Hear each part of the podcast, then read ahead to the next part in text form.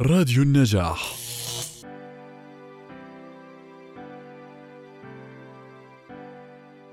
حب في غفوته الأخيرة. بقلم الجوهر الرمال. الإهداء. إلى رجل وهبني عمره وقلبه. أعرف أنك لن تقرأني ولكن أقسم أنك تحبني. حينما أحتاج أن أكتب فأنا أحتاج إلى غفوة كما حاجة النوم إلى الحلم إما يهبه الأمل برؤيا أو كابوس يفزعه. لا أعرف حقا هل أبدأ من اللقاء الأول أم من الصمت الأخير. لم أفكر يوما أن أكتبني أو أكون ماثلة بحروفي ليقرأني الغير. اعتدت أن أنثر حروفي بطينة اللحظات لتنمو على تلك الأرصفة وتواجه مصير الضياع. والبردة وقسوة المارة والوجوه التي ما كانت تحمل يوما بشائر خير. احتجت أن أكون أمام نفسي لأكتب عنك عن السقف الذي سمح لكل هذه العواصف أن تحتل مساحات الهدوء عن الفراغ الذي أشغلني به عن الأشياء التي فقدت هويتها كمثل هذا القلم الذي يكتب ما نريد وبالشكل الذي نريد. لا اختيار له سوى الانصياع لذواتنا. كل ما يستطيع فعله هو أن ينتهي بصمت لنلقي به بعيدا غير آبهين بشكر يتيم له. أما الورق ذاك الجندي الذي يستسلم منقادا خانعا لشهوة الكتابة يصفر وجهه ويشيخ وينتحب كثيرا. وتلك النافذة التي لم تأبه يوما لمواعيد الصباح ويزعجها تطفل الطيور وهديل الحمام. لتلك الزوايا الحادة أجدها تذكرني بعجزي من جديد. هو النسيان الذي بدأ يتشكل بداخلي ويكبر ليكون واجهة لكل المواعيد التي أكره القيام بها. البدايات لا تعني البداية حقا لكنها مدخل لهاوية الروح حيث العمق الحقيقي لأوجاعنا. الكتابة حديث روحي أشبه بساحات كبيرة مليئة بالوجوه والأحداث. على زواياها باعة يتجولون لا يحملون سوى قشور لا تكترث كثيرا لها لكنك تقف لتقلبها وتمضي. أنت موجود هنا تتحدث كما يتحدثون وتنتسب لهم وواحد منهم يصفق بيد مهترئة ولا تسمعه. ورغم هذا تعود في كل مرة لتتحدث. وكثيرا. انزلقت لي فكرة الكتابة عنك لتستقر بساحة روحي وتمنحني حياة أخرى. تأخذني من كل شيء لتكون لي سقف كفاية وأرضا أشبه بالمروج الخضراء. رغم امتداد جمالها لا يسكنها إلا منزل خشبي صغير. فيه نبض فارغ وموقد نار ودفء وفير. كنت أنا حين كنت أنت وبالحب الذي وجب أخيرا أن أعترف به جهرا دون خوف. الحياة أتنفسها ببطء حين أكتب عنك. هذه حروفي غذاء روحي. يعجنني من جديد ويخلقني خلقا آخر. فتبارك هذا الخلق بك ولك. يبتدئ معك ولا ينتهي إلا بك. لازلت أراهن على البداية. من بين كل تلك الأفكار المكتومة كان لابد أن أرتبها رغم أنني في كل مرة أعيد لها روح الفوضى. الفوضى التي تجعلك أكثر حيرة وأكثر دهشة ولتكن الخلاقه هي البدايات يوما تحمل لنا المخاوف حتى من الخوف ذاته. قررت أن أكتبك لأنك الوحيد الذي يشعرني بالأمان بالرغبة الحقيقية للكتابة. لا أحد يحمل مثل عينيك وعمقها ولا سخاء اكفك المرتعشه التي علمتني أن الارتعاش لا يعني الخوف ولا التردد ولا الهزيمة. هي أفكارنا عندما تشيخ وتتجاوز عمر بقائها لكنها لا تزال تحيا وتعطي وتهب.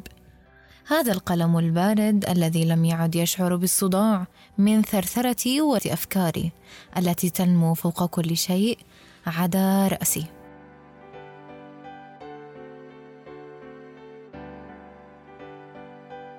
بسملة الوجع الأولى. أشعر أن الكون سيتوقف يوما. سيأخذنا إلى حيث لا نشتهي. يزرع فوق أكتافنا أغصانا تمتد جذورها بأجسادنا. تتغذى من أرواحنا. تزاحم أوردتنا تشوه جلودنا. وتنبت رؤوسا منها. بداخلها حياة أخرى يعيشونها فوقنا. نكون بمثابة تلك الأرض التي يحفر نصف وجهها بذريعة الاستمرار والبقاء. نصمت وإن أثقلوا أكتافنا وإن احترأت أجسادنا نسقيهم من دمعنا ماء غدق وإن ارتعشت أطرافنا نفضتهم عجزا سيتوقف الكون يوما إن استسلمنا لهذا. سأمسك بيدك لا تتركني للريح. أحتاج أن أقف بكل مرة يلتوي بها كاحل صبري. صمتك لن أعتاد عليه يوما فأنت لا تزال تحدثني وتلهمني وتعلمني. كل الأشياء التي حسبتها بصمتك ستنتهي هي بالواقع.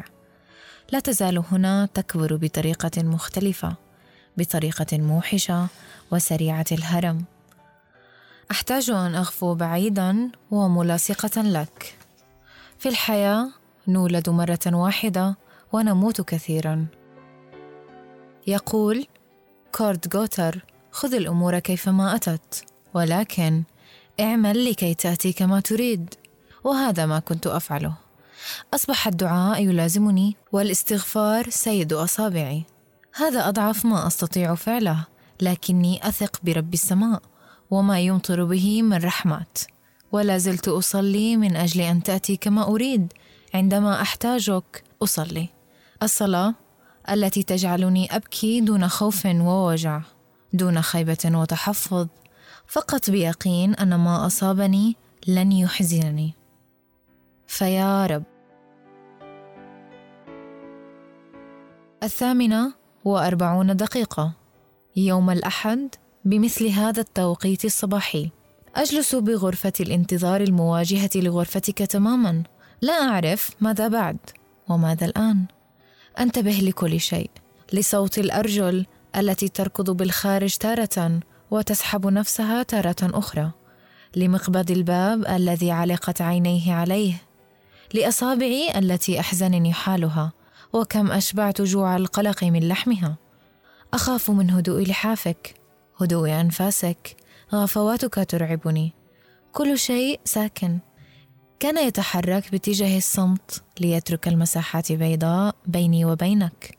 كورقة تنتظر أن أكتبها من المنتصف حتى البداية من دون عنوان ولا خاتمة. كانت هي تلك الفرصة العظيمة لأحدثك عني لأنسى قلقي وأبدأ قلقا أكبر. لأحدثك عن الشيء الذي لم تره مسبقا هذا ما تفعله الخيبة أحيانا. أجمل العمر أوله لأننا لم ندركه ولم نكتبه. نحن نسمعه منهم بطريقتهم بحبهم. قالت لي أمي يوما قوة القلوب. الاسم الذي تمنيته أنت لي ورفضه الوطن. هكذا بدأت بأمنية مركبة ما بين الحياة والحب ولا يزال الواقع غصصا بحنجرة التحقيق. الدمع معها واجب والأنفاس للأقوى. نحن لا ننسى طفولتنا. هي ألوان الطيف بذاكرتنا. كلما لمع أحدها تبسمنا للشقاء. الطفلة التي تنازع إخوتها على مساحة صغيرة بداخلك ولطالما وجدت كل الأماكن لها تتسع. هكذا كنت وطنا لي. ذاك الوطن الذي أعرف حدوده جيدا. وأحرص أن أكون مواطنا صالحا. أغني من أجله نشيد الوطنية. ليس خوفا منه ولا من ضياعي ولكن حبا له وانتماء. نشيدي لك كان قبلة على جبينك وانتمائي لحضنك هو حياة. كيف أخبرهم عنك؟ ولكل منهم وطن. لا تشبه الأوطان يا وطني لا يشبهك يا أبي أحد. لن أكون تلك الفتاة التي هي دوما بأبيها معجبة. ولا ابنة رجل عظيم في زمن أصبح الكل فيه عظيما. ببساطة أكتب عنك كصرخة دفنت بوسادة وبقي منها شيء من الأنين والكثير من الحزن. بهذا الوقت من صباحات الأيام المتشابهة الأيام التي لا يستطيع أن يكررها القدر مرة أخرى لأنها تولد مرة واحدة لزمن واحد. صوت أمي له ضجيج لذيذ. صوتها هو صوت العجين حين ترقه ويكبر شيئا فشيئا. تهدهده بين ذراعيها النقية البيضاء الممتلئة بالعطاء الموشومة بحروق صغيرة كأوسمة تقدير من اللهب الذي تمضي جل يومها أمامه. الإفطار المختلف وصوت لقيمات والدي أشبه بجائع لا ينوي الشبع. لا أعرف لماذا أجوع في كل مرة أشاهده فيها يأكل ويلف لي نتفا من خبز أمي ويلقمني إياها. لم تكن بهذه اللذة التي بدت فيها ملامح والدي. عرفت أن اللذة بحبه لأمي وللظهيره صوت آخر ممتلئ بالروحانية والقارئ عبد الباسط عبد الصمد الذي يحب أن يسمعه والدي حينما يتكئ على مسنده والسبحة بيده. وعيناه تذهبان بعيدا كجذور تتمدد لتربة ذاكرة. أصلها ثابت وفرعها الحزين لا يزال يفتش عما يروي عطش الساق. ذاكرة والدي مليئة بالحروب والقليل من الانتصارات مزدحمة بكل شيء. بوجوه إخوتي الذين استقلوا بعيدا عنه. بوجوه أخواتي وقلقه الدائم حيالهن. كان يرددها دائما. هم البنات للممات. ربما قطع على نفسه عهدا أن يسعدنا وإن كلفه ذلك سعادته وراحته. تأخذ الغفوة عينيه وكأنها قررت أن تستريح من عناء التفكير. كنت أتمنى أن أكون شرنقة وأعلق على جدار صدره. أغفو مع نبضاته وأصحو مع دفء أنفاسه.